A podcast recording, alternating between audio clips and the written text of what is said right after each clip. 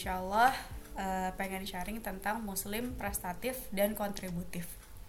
Di sini ada tiga aspek yang menurut aku ketiga-tiganya krusial gitu. Karena yang namanya Muslim itu dia harus bisa balance gitu. Muslim misalnya dari secara keimanannya harus bagus dari prestatif secara prestasinya juga bagus kontribusinya ke uh, lingkungan ke masyarakat sekitar juga harus bagus gitu. Kalau di antara ketiga hal ini ada yang tidak seimbang, maka bisa terjadi sesuatu hal yang akhirnya menjadi bencana kepada banyak orang. Uh, kalau misalnya hari ini kita sering apa ya uh, teman-teman sebagai mahasiswa atau mungkin dulu ketika aku jadi mahasiswa uh, jadi sesuatu hal yang sulit sekali untuk bisa berkontribusi. Gitu kenapa? Karena kita semua masing-masing punya uh, tujuannya masing-masing. Kita punya aktivitas dan eh, prestasi-prestasi uh, yang pengen kita kejar. Apakah itu dari dari akademiknya atau misalnya ada lomba-lomba dan se dan seterusnya. Sedangkan ketika akhirnya kita bersinggungan sama kontribusi ya, kita diminta sesuatu, diminta uh, waktunya, tenaga, pikirannya. Ini akhirnya yang membuat orang jadi mikir-mikir. Gitu, duh kenapa gue harus kontribusi gitu ya? Kenapa gue harus bantuin A bantuin B. Padahal kalau misalnya dari segi dari segi materi itu nggak ada keuntungannya sama sekali buat kita dan seterusnya. Itu kenapa? Karena memang pada dasarnya manusia ya sifatnya dia punya ego sifatnya punya hawa nafsu. Pasti ketika uh, jiwa manusia tidak dilandasi dengan keimanan pasti pengennya meraup sebanyak-banyaknya. Nih apa nih keuntungannya buat gue gitu? Apa nih kira-kira yang akhirnya membuat membuat kita jadi lebih uh, lebih baik atau bisa lebih mengambil keuntungan lebih banyak.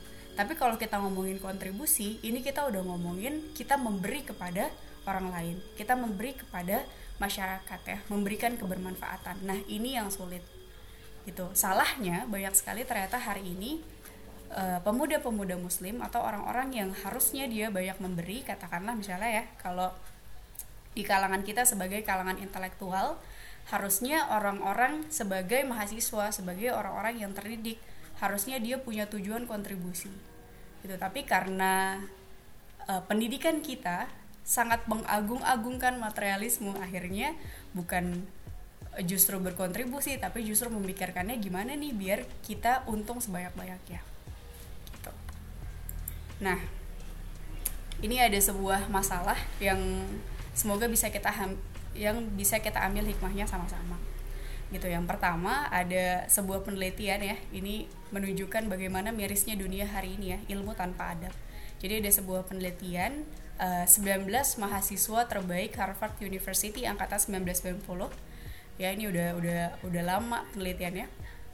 19 mahasiswa terbaik diteliti selama 15 tahun. Apa sih yang mahasiswa terbaik dari universitas terbaik dunia ini lakukan setelah dia lulus. Gitu. Ternyata hasil penelitiannya membuat dunia itu sangat terkejut. Karena ternyata 10 dari 19 itu uh, uh, merugikan merugikan perusahaan-perusahaan besar karena memanipulasi keuangan. Bayangin ya perusahaan-perusahaan besar di Amerika itu uh, ketika ada permainan keuangan di sana, ada manipulasi keuangan di dalamnya, itu pasti akhirnya merugikan ribuan orang di dalamnya. Gitu. Jadi ternyata orang-orang pintar ini, lulusan-lulusan terbaik Harvard ini justru menjadikan kepintarannya, akalnya, keterampilannya justru akhirnya buat merugikan orang lain. Sisanya 50% eh, dikatakan entah 4 atau 5-nya itu justru merusak alam. Jadi apakah uh, dia join ke ke perusahaan yang itu mengeruk alam sebanyak-banyak tan tanpa memikirkan bagaimana kelangsungan dari alam tersebut. Dan setengahnya lagi ternyata melakukan bunuh diri. Gitu. Jadi ternyata dari ke 19 ini uh, ada hal yang sangat krusial yang mereka tidak lakukan yaitu bagaimana menjadi seorang manusia yang baik. Manusia paripurna manusia yang kontribusinya yang kebermanfaatannya dirasakan sama orang-orang. Inilah yang disebutkan sama Rasulullah bahwa manusia terbaik itu adalah manusia yang paling bermanfaat. Gitu. Jadi hati-hati kalau hari ini kita hanya mengejar sesuatu hal yang sifatnya uh, duniawi. Gitu ya. Hidupnya tidak balance. Ketika kita hanya mengejar uh, nilai yang setinggi-tingginya, prestasi yang setinggi-tingginya tanpa dilandasi sama keimanan tanpa dira tanpa dilandasi sama perasaan kita pengen kontribusi. Apa nih yang bisa kita berikan ke orang lain? Apa yang bisa kita lakukan sehingga membuat dunia ini jadi lebih baik? Gitu. Ini yang hilang ilmu tanpa adab. Akhirnya banyak orang yang pinter banyak orang yang keterampilannya bagus intelektualnya tinggi tapi tidak ada manfaatnya tidak ada kontribusinya sama sekali buat orang-orang. Gitu. Atau kita pasti tahu dan masih ingat bagaimana bejatnya seorang Reinhard Sinaga ya di prestatif tapi tanpa keimanan. Dia menyelesaikan dua gelar magisternya di Inggris, kemudian sedang OTW PhD tapi ternyata bejatnya luar biasa bahkan dikatakan sebagai seorang yang paling kejahatan seksual yang paling kejam di Inggris, yang paling banyak korbannya ya. Uh, dia punya 3,2 tera video rekaman kejahatan seksual dengan kurang lebih 190 korban gitu sehingga ternyata di sini kita bisa ngambil kesimpulan bahwa ternyata prestasi tapi tanpa dilandasi keseimbangan akan kontribusi, akan keimanan, akan kita pengen memberikan sesuatu buat lingkungan, bukan meraup dan mengeksploitasi sebanyak-banyaknya, tapi memberikan sebanyak-banyaknya itu jauh lebih penting. Dan itulah yang memang harus jadi mindset kita hari ini. Gitu in the other hand ada seorang uh, profesor. Ini adalah kisah yang menurut aku luar biasa inspirasinya sangat besar dan sangat mendalam dan sangat menohok jadi ada seorang profesor uh, astrofisika namanya uh, Profesor Sulaiman Baroka dia ini awalnya adalah seorang yang bekerja di NASA. Bayangin ya NASA itu kalau tadi aku sempat riset-riset dikit uh, untuk bisa masuk jadi karyawannya NASA itu dari 6.000 orang pendaftar yang dari yang diterima tuh cuma 12 orang. Kebayang ya gimana pinternya gimana prestisiusnya orang-orang yang kerja di NASA. Dan kita juga bisa ngebayangin gimana fasilitas yang dia dapatkan bagaimana kemudahan hidup di Amerika. Ya gajinya miliar-miliaran dan seterusnya itu udah jadi hal yang istilahnya udah settle banget lah. Kalau dia hanya memikirkan Prof. Sulaiman Baroka ini hanya memikirkan keuntungan dan kesenangan hidupnya maka dia gak bakal mau pindah ke Gaza. Tapi ternyata ya beberapa tahun e, belakangan ini Profesor Sulaiman Baroka ini pindah ke Gaza meninggalkan semua kesenangannya semua kemudahannya di Amerika pindah ke Gaza untuk bisa mengajarkan anak-anak Gaza tentang astronomi untuk bisa mengabdikan ilmunya astrofisika untuk bisa menguatkan pertahanan militernya Gaza. Ini adalah salah satu contoh bagaimana seorang itu berkontribusi dengan potensi yang dimiliki. Ya, dengan apa pun potensi, dengan apa pun kemampuan ilmu yang Allah berikan kepada dia. Ini karena sejatinya seperti inilah seharusnya seorang manusia yang memang Allah berikan peran sebagai khalifatul ard gitu. Ketika kita mendapatkan hari ini kita punya kesempatan untuk belajar kita punya kesempatan untuk kuliah kita punya kesempatan untuk uh, ngaji ada liko pekanan dan seterusnya maka itu semua potensi dan semua kemudahan dan rezeki yang Allah berikan sama kita maka yang harus kita lakukan adalah me memanfaatkan itu semua untuk kebaikan orang lain seluas-luasnya. Gitu ya kita belajar banyak dari Profesor Sulaiman Barokah gitu. Uh, kita kembalikan lagi kepada diri kita sendiri. Bagaimana dengan kita? Kira-kira dengan hari ini yang sudah Allah berikan kira-kira apa yang sudah kita berikan juga buat orang lain gitu ya? Apa manfaat yang sudah kita berikan? Ini adalah uh, tiga ya tiga contoh kasus yang kalau kita lihat wah luar biasa jomplang. Yang satu eh, yang tadi dua sebelumnya memikirkan bagaimana keuntungan diri sendiri sebanyak-banyaknya. Yang satu bagaimana memberikan sebanyak-banyaknya gitu. Semoga kita bisa mengambil pelajaran dari uh, ketiga kasus ini. Gitu. Nah uh, yang harus kita ingat adalah uh, ini saatnya kebangkitan umat manusia. Ini aku ambil dari uh, dari sirah Quran surat Al-Baqarah ayat 30 sampai 39 yang dijelaskan sama uh, Noman Alihan. Kalau teman-teman pengen dengar secara lebih lengkapnya bisa lihat di YouTube-nya gratis.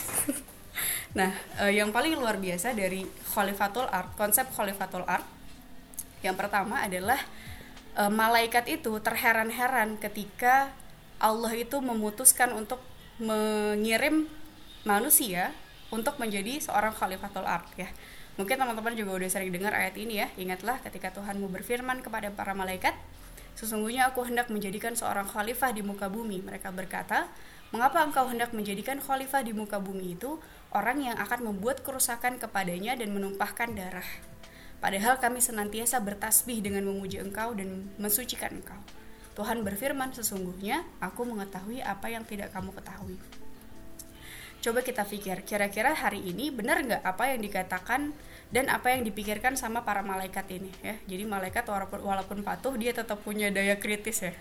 Gitu. Kalau kita lihat hari ini benar bahwa manusia itu membuat kerusakan. Tadi yang kita bahas lulusan-lulusan Harvard itu ada yang memanipulasi keuangan gitu. Atau kalau kita lihat hari ini di Indonesia ada yang korupsi dana bantuan sosial bayangin.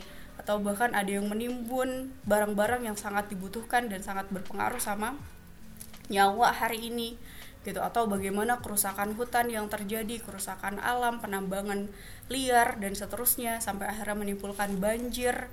Atau bagaimana peperangan hari ini terjadi ya sekian ribu sekian ratus ribu orang akhirnya kehilangan nyawanya sekian juta orang harus mengungsi dan seterusnya dan seterusnya. Itu ternyata ketika kita uh, lihat-lihat hari ini benar itu bahwa yang yang malaikat khawatirkan hari ini tuh terjadi. Gitu tapi pertanyaannya kenapa sih Allah itu masih uh, percaya?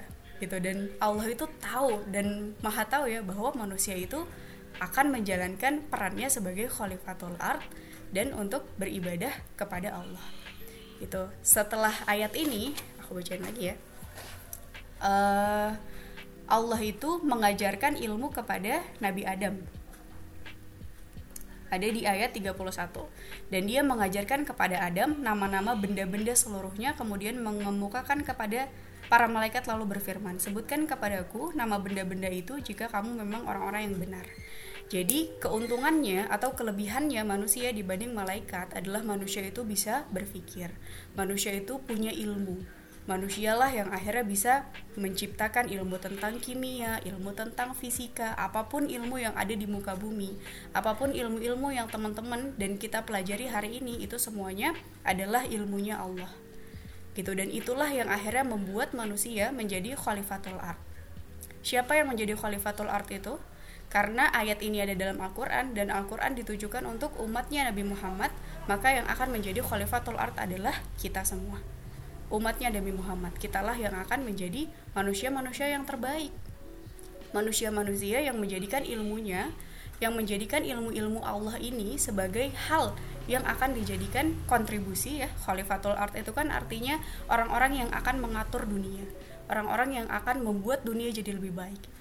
Itu maka memang tugas kita muslim prestatif dan kontributif itu emang udah jadi perannya manusia gitu. Maka tugas kita lah hari ini menjadikan ilmu-ilmunya Allah sebagai uh, hal yang akan menjadi buah-buah kebaikan kelak gitu ya. Dan kita juga bertekad kita pengen menjadi umat yang terbaik gitu. Siapa umat yang terbaik itu? Yaitu adalah umat yang dilahirkan uh, untuk manusia karena dia menyeru kepada yang ma'ruf dan mencegah dari yang mungkar dan beriman kepada Allah.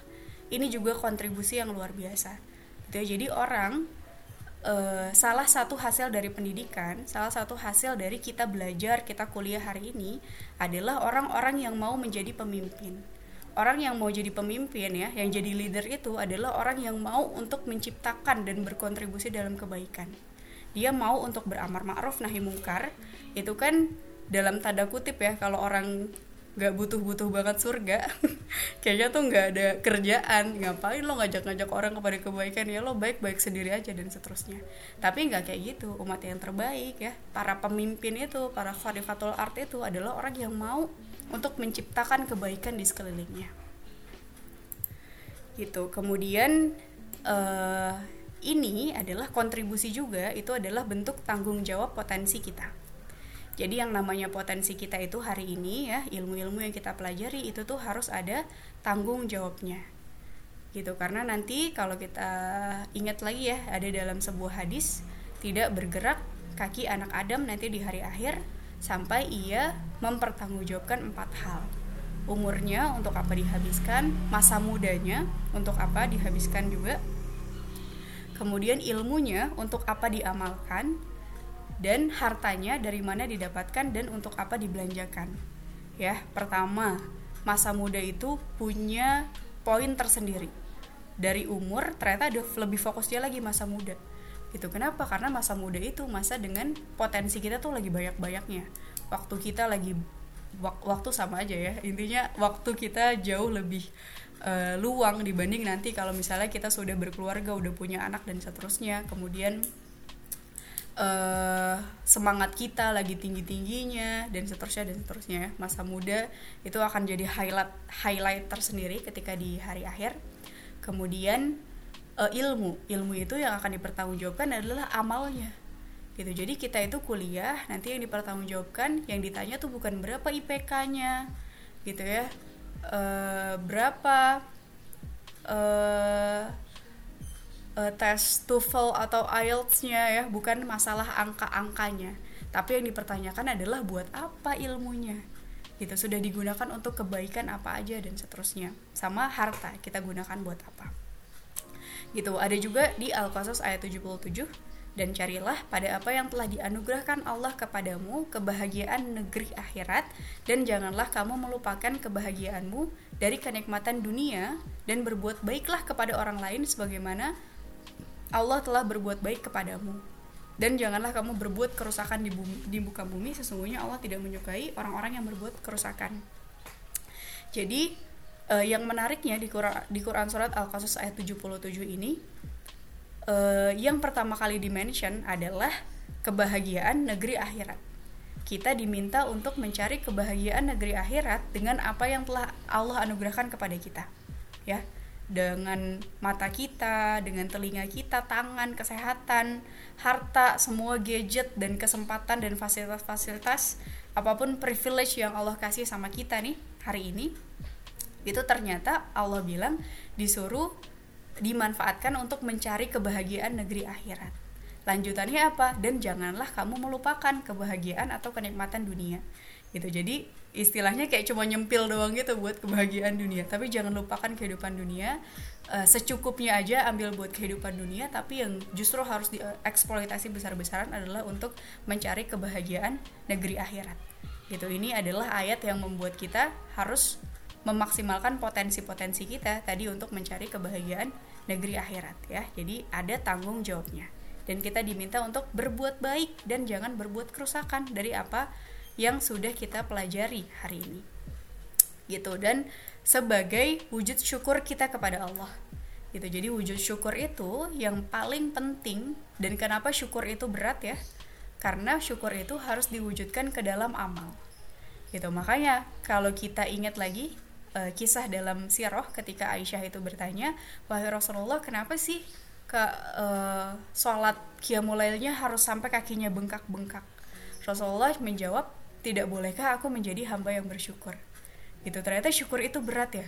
Gitu karena wujudnya syukur bagi Rasulullah adalah dengan Rasulullah itu sholat kiamulail sampai kakinya bengkak-bengkak. Ya kita nggak pernah tahu tuh waktunya kira-kira berapa jam satu rokaatnya membaca berapa berapa surat berapa lama dan seterusnya. Gitu karena memang syukur itu pekerjaan yang berat. Gitu syukur itu wujudnya adalah amal bukan hanya kita mengucap hamdalah 33 kali selesai sholat ya. Bukan hanya kita e, berzikir dan seterusnya tapi diwujudkan dalam amal-amal. Gitu. Itu adalah rasa syukur kita hari ini sama Allah atas petunjuk yang udah Allah berikan gitu ya. Atas keimanan yang hari ini masih Allah berikan di dalam hati kita gitu. Karena kita nggak pernah ada yang bisa uh, menggaransikan apakah nanti ketika kita uh, di hari terakhir kita dalam hidup gitu ya saat kita wafat nanti apakah kita masih dalam kondisi mendapatkan hidayah atau jangan-jangan udah tercabut hidayah-hidayahnya? Gitu karena boleh jadi kalau hari ini kita tidak mensyukuri hidayah-hidayah yang Allah berikan maka akan Allah cabut. Gitu misalnya hari ini kita mendapatkan hidayah bisa mengikuti pengajian pekanan gitu ya satu pekan sekali. Tapi ketika kita tidak bersyukur ya males-malesan bolong-bolong boleh jadi. Akhirnya kita tercabut dari kebaikan itu. Gitu. Maka salah satu wujud syukurnya adalah dengan mengerjakan kebaikan. Seperti di surat An-Naml ayat 19 ini adalah doanya Nabi Sulaiman ketika mendengar semut-semut yang ketakutan karena rombongannya Nabi Sulaiman akan lewat ya. Nabi Sulaiman berdoa ya Tuhanku, anugerahkanlah anugerahkanlah aku ilham untuk tetap mensyukuri nikmatmu yang telah engkau anugerahkan kepadaku dan kepada orang tuaku dan agar aku mengerjakan kebajikan yang engkau ridhoi. Dan masukkanlah aku dalam rahmatmu ke dalam golongan hamba-hamba yang saleh. Itu jadi salah satu wujud syukur ya anugerahkan aku untuk tetap mensyukuri nikmatmu dengan mengerjakan kebajikan yang engkau ridhoi. Itu jadi kontribusi kita ya kontribusi kita uh, aktif dalam dakwah kita aktif membantu orang-orang dalam kebaikan itu adalah wujud kita mensyukuri nikmat yang sudah Allah berikan. Gitu. Kemudian uh, apa sih yang kita kejar dalam kita berkontribusi ini? Gitu ya. Yang kita kejar adalah surga. Gitu ya. Prestatif dan kontributif itu memang berat karena balasannya surga. Ya nggak semua orang bertekad untuk menjadi seorang yang prestatif gitu banyak orang yang ngerasa udahlah gue biasa aja lah ya gitu ya. Seadanya aja ngerjain tugas seadanya aja kuliah ya udah yang penting men menggugurkan kewajiban dan seterusnya. Tapi ketika ada seorang muslim yang dia bertekad prestatif ya dalam bidangnya bidangnya apa pun sesuai dengan potensi yang kita miliki masing-masing dan bertekad untuk bisa kontributif ya bagaimana nih caranya biar bisa memberi sebanyak-banyaknya bagaimana bisa beramal sebanyak-banyaknya gitu ya. Maka insya Allah itu yang kita kejar adalah balasannya surga. Kita sedang uh, kita sedang mengikuti perniagaan yang paling untung. Ya kalau kita uh, baca di surat as ayat 10 sampai 13 Allah itu berfirman uh, sebuah perniagaan yang paling untung adalah ketika kita uh, berdakwah di jalan Allah dengan harta dan jiwa kita yang kemudian Allah balas dengan surga dan kemenangan yang dekat. Ya itu adalah perniagaan yang paling untung. Kalau kita uh, bayangin ya uh, dua hal itu adalah sesuatu hal yang sama sekali tidak seimbang gitu. Yang kita lakukan di dunia dengan umur yang sangat terbatas katakanlah mungkin 60 tahun kalau ngikutin rata-rata umur umatnya Rasulullah kemudian dengan harta yang kita keluarkan ya harta yang kita keluarkan juga paling seberapa gitu ya. Tapi Allah balas dengan surga dan isi-isinya. Gitu. Makanya itu dikatakan sebagai perniagaan yang paling untung. Dan tujuan yang paling mulia. Ketika kita mau untuk berkontribusi ketika kita mau untuk capek-capek e, berkorban harta, pikiran, waktu, tenaga dan semuanya ya untuk mencari surga dalam kontribusi itu itu adalah tujuan hidup yang paling mulia. Dan pasti insya Allah orang-orang yang muslim yang seperti ini ya, muslim yang prestatif dan kontributif dia akan selalu hidup dengan jiwa-jiwa yang tenang, hidup dengan jiwa-jiwa yang lapang. Kenapa? Karena dia tahu bahwa jalan yang dia tapaki ini adalah jalan menuju surga. Jalan yang dia tapaki ini adalah jalannya para rasul, para nabi, para sedikin, dan orang-orang yang mati syahid gitu ini yang kita kejar sama-sama gitu dan ini yang harus kita uh, teladani ya para pemuda muslim terbaik para muslim yang prestatif dan kontributif nah ketika kita pengen belajar bagaimana sih cara menjadi seorang muslim yang prestatif dan kontributif? Maka yang paling bisa kita teladani adalah kita belajar dari negara yang paling maju gitu.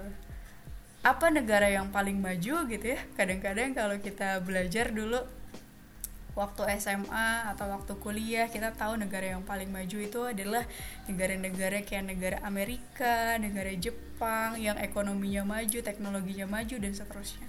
Tapi sebagai muslim yang harus kita yakini negara yang paling maju, negara yang paling keren peradabannya adalah negara uh, negara Islam saat itu ya di Madinah ketika Rasulullah dan para sahabat-sahabatnya membangun peradaban yang sangat luar biasa di sana.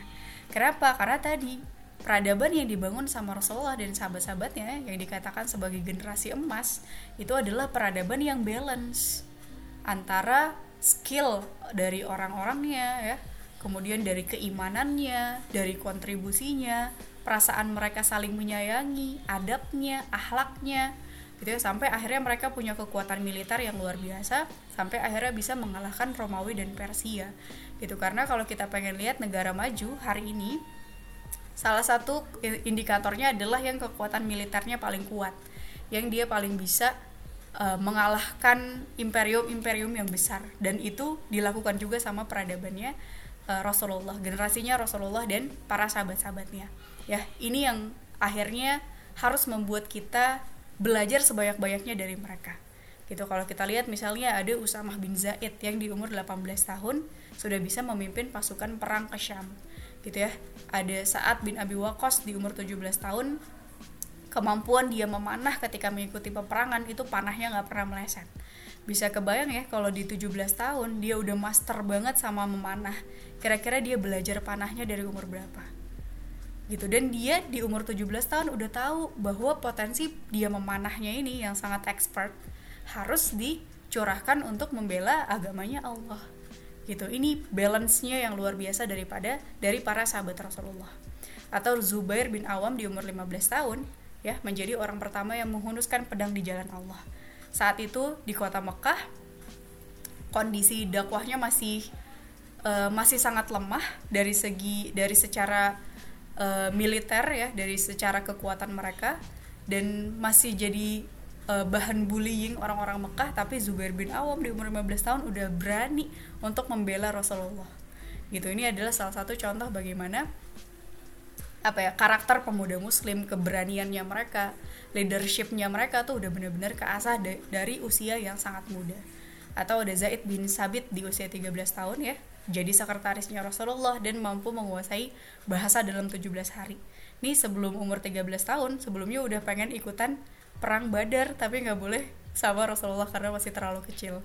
Gitu bisa kita bayangkan mereka pada umur yang masih sangat muda itu sudah paham secara karakter tuh udah kuat, secara potensi sudah termaksimalkan dengan baik dan paham bahwa potensinya itu harus digunakan untuk berkontribusi sebanyak-banyaknya gitu. Ini adalah e, contoh bagaimana peradaban dulu dibangun gitu. Pendidikan dulu tuh berhasil banget karena seperti ini gitu. Kalau dibandingkan sama pemuda hari ini hari ini tuh pemuda boros banget pakai umurnya gitu. Misalnya kita di umur 25 tahun baru ngerti tujuan hidup ini ke mana gitu. Ya kita di umur 28 tahun baru mulai untuk berkontribusi atau di umur uh, 20 tahun baru mulai untuk hijrah menjadi uh, pribadi muslim dan muslimah yang lebih baik. Gitu. Jadi telat banget kalau dibandingin sama sahabatnya sahabat sahabat Rasulullah. Gitu. Dan uh, uh, mereka yang harus jadi apa ya tempat kita belajar dan uh, insya Allah tidak ada kata terlambat ya untuk kita mulai berkontribusi dengan apa pun potensi yang Allah berikan. Contoh lainnya pemuda kontributif lainnya adalah uh, para ilmuwan dan ulama juga yang benar-benar berkontribusi penuh karena dorongan keimanan. Nah, ini yang luar biasa ya. Jadi, para ilmuwan dahulu kalau kita uh, ngomongin ilmuwan-ilmuwan di masa dinasti Abbasiyah uh, ada Ibnu Sina, ada Ibnu Khaldun, uh, ada Al-Biruni ya dan banyak lagi para ilmuwan-ilmuwan. Mereka itu belajar menciptakan uh, menuliskan banyak ilmu ya mengajarkan banyak ilmu sampai menciptakan teknologi yang waktu itu tercanggih pada zamannya. Semuanya karena dorongan iman. Karena dorongan mereka pengen masuk surga. Gitu. Udah belum sih kita bisa seperti itu? Ketika hari ini kita kuliah hari ini kita pengen coba menjadi mahasiswa yang sebaik-baiknya apakah itu sudah dilandasi karena dorongan iman?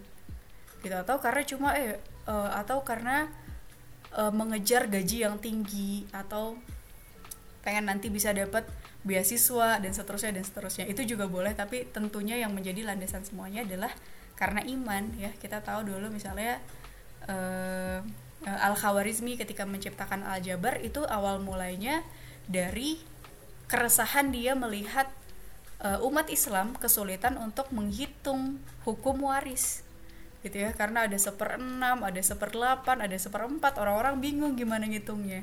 Itu dari dari dorongan iman itulah akhirnya dia menciptakan aljabar. Atau dulu bagaimana astronomi itu berkembang itu awalnya juga dari keresahan umat Islam. Karena bingung bagaimana menentukan kiblat yang presisi. Ya bayangin misalnya dari Baghdad dari Irak mereka pengen menghadap langsung lurus ke Ka'bah gimana caranya ya? Dulu belum ada Google Map belum ada satelit dan seterusnya. Itulah yang, yang akhirnya membuat mereka mau untuk meneliti langit berbulan-bulan bertahun-tahun sampai akhirnya bisa, mereka bisa menciptakan astrolab dan seterusnya dan seterusnya. Atau kalau kita uh, lihat juga para ulama dulu para ulama yang bisa ketika nulis buku tuh ketika wafat bisa meninggal, meninggalkan satu rak buku hasil tulisannya dia atau misalnya kalau kita ingat uh, Imam Bukhari ya Imam Bukhari itu menciptakan karya uh, kitab hadis Bukhari itu ya 6000 hadis yang dia saring dari sekian ratus ribu hadis dia ciptakan setelah mengunjungi ribuan ulama dan ribuan guru dari tempat yang sangat jauh dan waktu itu teknologinya sangat sangat minim. Gitu ya kalau ditanya kenapa sih dia mau melakukan itu? Karena dorongan iman itu dia cuma pengen menciptakan sesuatu hal yang akhirnya bermanfaat buat umat ini dan akhirnya bisa membuat banyak orang dan kita hari ini ngerasain mudahnya untuk belajar hadis untuk belajar Islam, untuk belajar fikih-fikih dan seterusnya itu banyak banget kontribusinya dari Imam Bukhari. Gitu Imam Bukhari dapat apa sih secara materi? Gitu apakah dia akhirnya jadi kaya? Gitu apakah akhirnya dia dapat jabatan dan seterusnya? Kayaknya enggak. Gitu karena yang dia cari adalah ya memang amal jariah. Dia pengen bisa mendapatkan surga dari kontribusinya. Gitu maka bagaimana dengan kita hari ini? Gitu kira-kira hari ini eh, kontribusi apa yang sudah kita berikan? gitu amal amal-amal apa yang sudah kita ciptakan dari ilmu-ilmu yang kita pelajari hari ini gitu dan terakhir adalah ini ya ini adalah langkah-langkah yang harus kita lakukan untuk menjadi pemuda muslim prestatif dan kontributif. Pertama adalah perbaiki diri sendiri seru orang lain kemudian maksimal berkontribusi. Perbaiki diri sendiri ini adalah hal yang akhirnya menjadi sangat penting. Gitu dan yang harus kita uh, sadari baik-baik perbaiki diri perbaiki diri sendiri seru orang lain sampai maksimal berkontribusi ini semuanya seiring sejalan. Jadi jangan sampai kita berpikiran aduh aku mau perbaiki diri sendiri aja dulu lah baru menyeru orang lain. Karena kalau kita mikir ya memperbaiki diri sendiri terus kita ngerasa udah baik baru menyeru orang lain ya akhirnya yang bisa melakukan itu hanyalah Rasulullah. Karena hanya Rasulullah yang sempurna. Gitu tiap kita tuh pasti ada turun naiknya dalam keimanan kadang futur kadang uh, semangat beribadahnya. Ya kadang males-malesan kadang semangat berkontribusinya itu pasti ada masa turun naiknya tapi semuanya ini harus kita kerjakan secara paralel. Gitu ya dari memperbaiki diri sendiri. Penting banget buat kita kalau pengen bisa jadi muslim prestatif dan kontributif untuk bisa menghidupkan jiwa.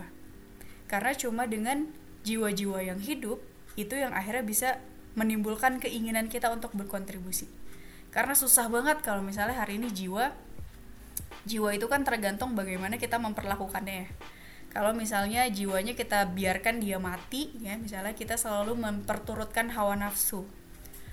Uh, misalnya nih lagi pandemi ada banyak banget orang yang jadi keranjingan uh, nonton uh, streaming film berbayar gitu atau melakukan hal-hal yang unfaedah dan seterusnya.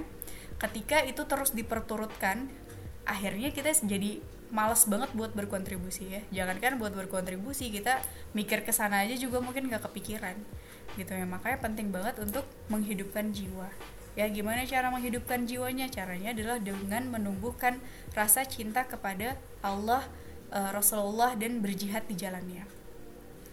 Yang luar biasanya uh, cinta kepada Allah Rasulullah dan berjihad di jalannya ini adalah cinta yang tidak bisa hadir sendiri gitu. Beda sama cinta kepada uang kepada popularitas ya.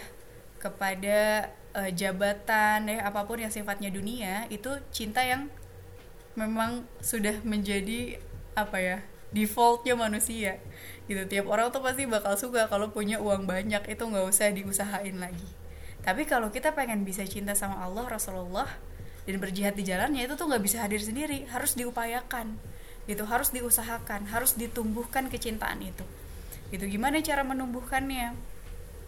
Gitu apakah dengan kita uh, memperbaiki hubungan kita dengan Allah? Salah satu uh, cara atau salah satu indikator melihat hubungan kita baik atau enggak sih sama Allah hari ini adalah dengan melihat intensitas kita sama Al-Quran. Karena Al-Quran itu ibaratnya jendelanya kita ngobrol sama Allah tuh di dunia tuh Al-Quran ketika sama Al-Quran aja jauh ya baca Quran aja malas aduh kayaknya berat banget untuk megang mushaf kayaknya berat banget untuk bisa murojaah dan seterusnya maka itu jadi salah satu indikator itu jadi salah satu warning hubungan kita sedang tidak baik dengan Allah. Maka perbaiki hubungan itu ya. Semales apa pun ya semager apa pun usahakan tetap baca Al-Quran ya. Sehari kita upayakan minimal satu juz lebih bagus lagi kalau ditambah sama murjaah. Lebih bagus lagi kalau ditambah sama kita mempelajari tafsirnya. Kita memahami ya tidak hanya kita membacanya di mulut juga tapi kita pahami dengan hati. Itu yang akhirnya mampu menghidupkan jiwa-jiwa kita ya. Bagaimana kita cara mencintai Rasulullah caranya dengan memahami sirah Rasul ya. Tadi udah sempat dibahas ya di per, uh, di materi yang sebelumnya uh, itu juga jadi salah satu bekalnya kita untuk berkontribusi adalah tadi dengan memahami sirahnya Rasulullah dengan kita belajar daripada dari para generasi terbaik. Itu insya Allah adalah kisah-kisah yang memang Allah hadirkan buat kita hari ini untuk menguatkan jiwa kita. Gitu. Ketika kita misalnya lagi mager banget untuk kontribusi kita mager banget untuk beramal maka kisah-kisahnya Rasul kisahnya Rasul ketika sangat ringan berderma ya. Sangat ringan untuk membantu orang lain. Uh, kisah-kisahnya para sahabat yang ketika infak benar-benar miliar-miliaran ketika infak benar-benar mengerahkan seluruh hartanya itulah yang nantinya akan menguatkan jiwa-jiwa kita tadi untuk berkontribusi. Gitu. Kemudian setelah memperbaiki diri sendiri maksimalkanlah seluruh potensi yang Allah berikan. Ini juga uh, penting ya. Jadi self development kita gimana kita uh, mengasah kemampuan kita. Kita suka membaca kita suka belajar ya kita suka mencoba hal-hal yang baru. Kita mencoba menjalankan peran misalnya teman-teman sebagai mahasiswa dengan sebaik-baiknya. Itu adalah cara kita memperbaiki diri sendiri. Ya kita harus azamkan di dalam hati kita bahwa kita hari ini belajar bahwa kita hari ini bekerja gitu atau apa pun yang aktivitas yang kita lakukan semuanya adalah karena Allah gitu. Kemudian setelah perbaiki diri sendiri ya atau sambil memperbaiki diri sendiri kita seru juga orang lain. Tadi kita pengen bisa mendapatkan surga kita pengen bisa menjadi umat terbaik. Kita pengen bisa menjadi pelanjut ya penerus dari dakwahnya Rasulullah gitu. Karena setiap kita adalah dai orang yang akan menyeru gitu. Maka cobalah untuk menyeru orang lain di mana pun kita berada kita sebagai mahasiswa gitu ya ketika misalnya kita melihat oh ada yang berbuat curang atau ada yang nyontek dan seterusnya kita seru kepada kebaikan ya dan mencegah kepada kemungkaran. Apa pun itu misalnya kita di media sosial gitu atau kita di keluarga kita atau di lingkungan di masyarakat di antara tetangga dan seterusnya maka menyeru kepada orang lain ya itu yang akan uh, menjadikan kita orang-orang yang uh, lebih baik ya menjadi umat terbaik atau kalau misalnya uh, ada kesempatan untuk menjadi seorang pembina ya kita bisa melanjutkan tadi risalahnya Rasulullah mengajarkan ilmu kita kepada orang lain. Gitu karena kalau kita pikir-pikir ya hari ini ini kan masa yang masa-masa yang sangat berat. Pandemi ini kita melihat banyak sekali ulama-ulama dan guru-guru kita yang dipanggil sama Allah ya. Cahaya-cahaya para bintang-bintang di bumi itu satu persatu Allah Allah Allah panggil ya Allah cabut nyawanya. Pertanyaannya misalnya ketika pandemi ini selesai ya kita nggak pernah tahu nih apakah selesainya tiga tahun lagi apakah 10 tahun lagi? Ya kita nggak pernah tahu. Kira-kira uh, adakah kaderisasinya orang-orang yang akan melanjutkan para bintang-bintang itu? Gitu orang-orang yang menebarkan cahaya. Gitu maka semoga kitalah yang nantinya akan menjadi penerus yang akan menyampaikan risalahnya Rasulullah gitu. Baru kemudian kita maksimal berkontribusi. Gitu ya kita persembahkan seluruh potensi kemampuan prestasi hanya untuk Allah.